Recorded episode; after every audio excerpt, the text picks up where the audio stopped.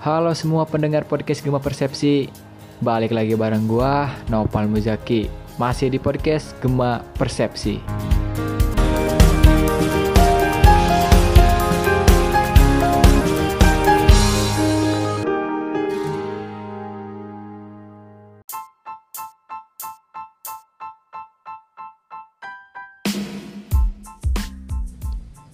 Di episode kedua ini gue akan ngomongin soal isu yang lagi happening banget yaitu isu soal Taliban.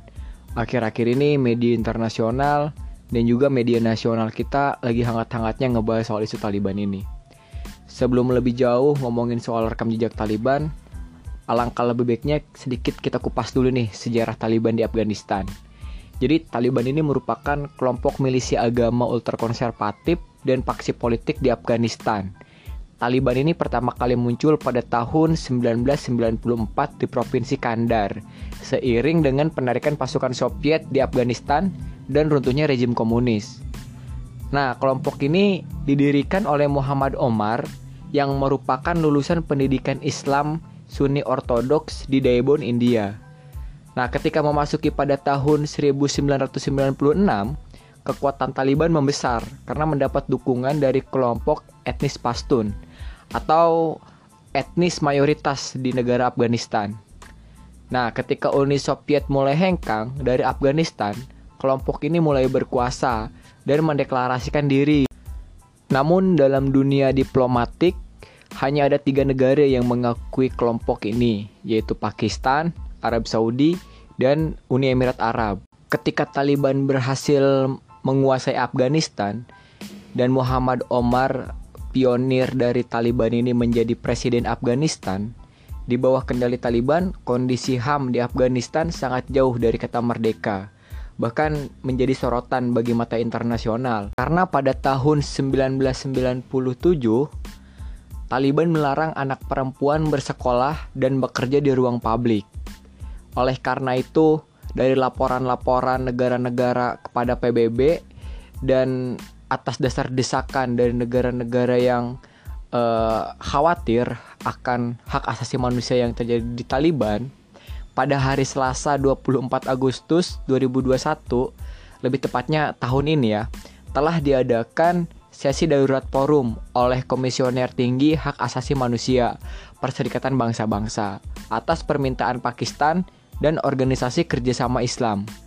Serta dalam laporan-laporan terdahulunya juga PBB mengindikasikan Taliban pernah melakukan pembunuhan massal dan menolak bantuan PBB untuk 160 ribu warga yang menderita kelaparan di Afghanistan. Meskipun menjadi sorotan mata internasional, Taliban ini berkuasa hingga tahun 2001 sebelum akhirnya dilengserkan oleh Amerika Serikat karena invasi Amerika Serikat ke Afghanistan. Yang menjadi pertanyaan adalah mengapa Amerika Serikat melengserkan Eh, rejim Taliban di Afghanistan. Nah, sebetulnya konflik ini dimulai ketika tragedi World Trade Center pada 11 September 2001 di mana Amerika Serikat menduga dalang di balik tragedi tersebut adalah kelompok Al-Qaeda yang dipimpin oleh Osama bin Laden. Namun Osama bin Laden ini terdeteksi oleh Badan Intelijen Amerika berada di Afghanistan dan dilindungi oleh kelompok Taliban. Nah, karena Taliban ini mencoba untuk melindungi Osama bin Laden dan menolak untuk mengekstradisinya ke Amerika Serikat, hal ini memicu konfrontasi militer Amerika Serikat dan kekuatan sekutunya. Nah, sebelumnya juga Taliban bernegosiasi dengan Washington, akan tetapi Presiden Bush pada saat itu menolak. Setelah beberapa bulan Amerika Serikat dan sekutunya berkampanye tentang pengeboman WTC, akhirnya rejim Muhammad Omar yang disokong oleh paksi politik Taliban berhasil dilengserkan. Dan pada Desember 2001 dibentuk pemerintahan sementara yang dipimpin oleh Hamid Karzai. Nah, Hamid Karzai ini tentunya dengan backupan Amerika Serikat. Setelah 20 tahun dilengserkan oleh Amerika Serikat, akhirnya Taliban ini kembali berkuasa di tahun 2021.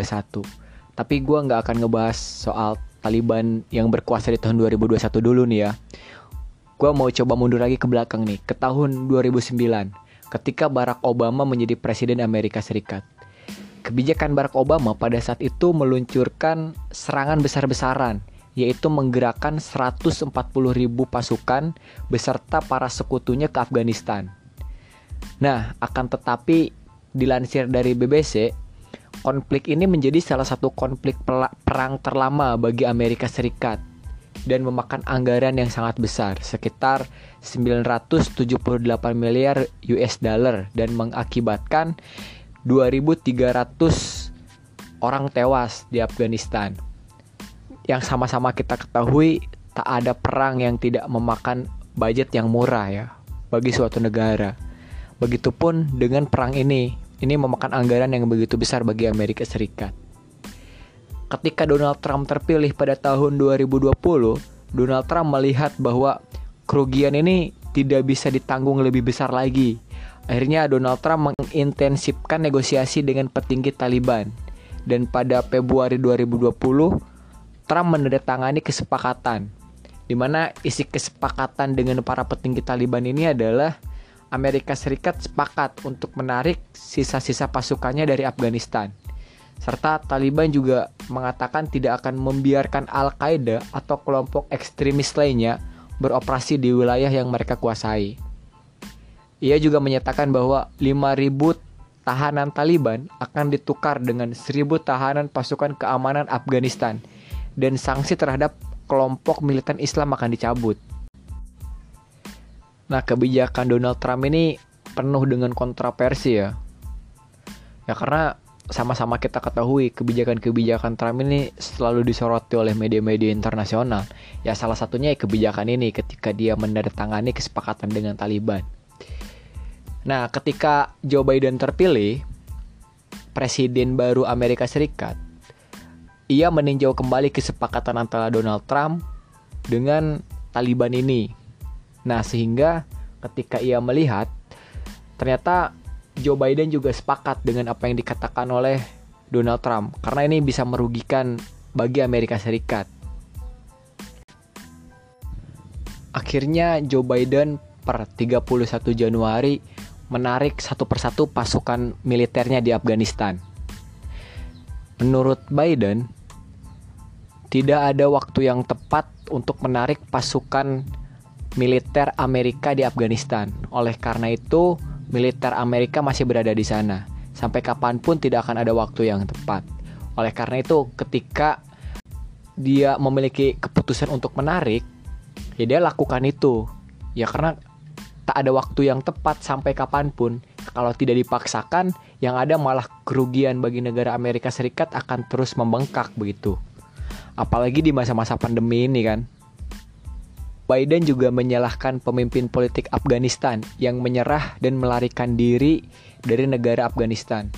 Militer Afghanistan menyerah tanpa berusaha untuk melawan. Hal ini berakibat juga kepada 23 ibu kota provinsi yang kembali dikuasai oleh kelompok Taliban. Bahkan ibu kota Kabul saat ini jatuh dan tengah dikuasai oleh kelompok Taliban karena pemimpin politik di negara tersebut melarikan diri ke luar negeri seperti Presiden Afghanistan Ashraf Ghani juga uh, pergi ke luar negeri gitu. Ya karena kondisi politik di Afghanistan sedang tidak aman bagi pemerintah Afghanistan itu sendiri. Ashraf Ghani juga dituntut oleh berbagai kalangan untuk cepat mengundurkan diri. Ya selain intervensi kelompok-kelompok Taliban ini kepada masyarakat Afghanistan, ini juga ada permainan-permainan uh, intelijen-intelijen dunia ya yang pada akhirnya Ashraf Ghani juga tertekan begitu untuk melakukan pengunduran diri. Tapi sampai saat ini Ashraf Ghani masih tetap menjabat sebagai presiden Afghanistan. Karena statusnya masih menjadi presiden, Gani juga ditekan untuk menghadapi tuntutan tegas antara menyerah atau berperang mempertahankan ibu, ibu kota Kabul. Ya bagaimana Afghanistan akan berperang kalau presidennya saja saat ini berada di luar negeri begitu. Lantas langkah apa yang akan diambil oleh pemerintah Afghanistan untuk mengatasi situasi politik yang terjadi di Afghanistan setelah militer Amerika Serikat ditarik oleh Joe Biden kembali ke negaranya? Yang pasti konflik ini masih terus berlanjut. Entah mungkin nanti akan ada pelengseran terhadap presiden Afghanistan dan Afghanistan kembali dikuasai oleh Taliban atau Ashraf Ghani akan tetap berkuasa di Afghanistan. Yang pasti semua ini soal waktu. Kita tunggu saja jawabannya sampai ada informasi yang kredibel dan konkret.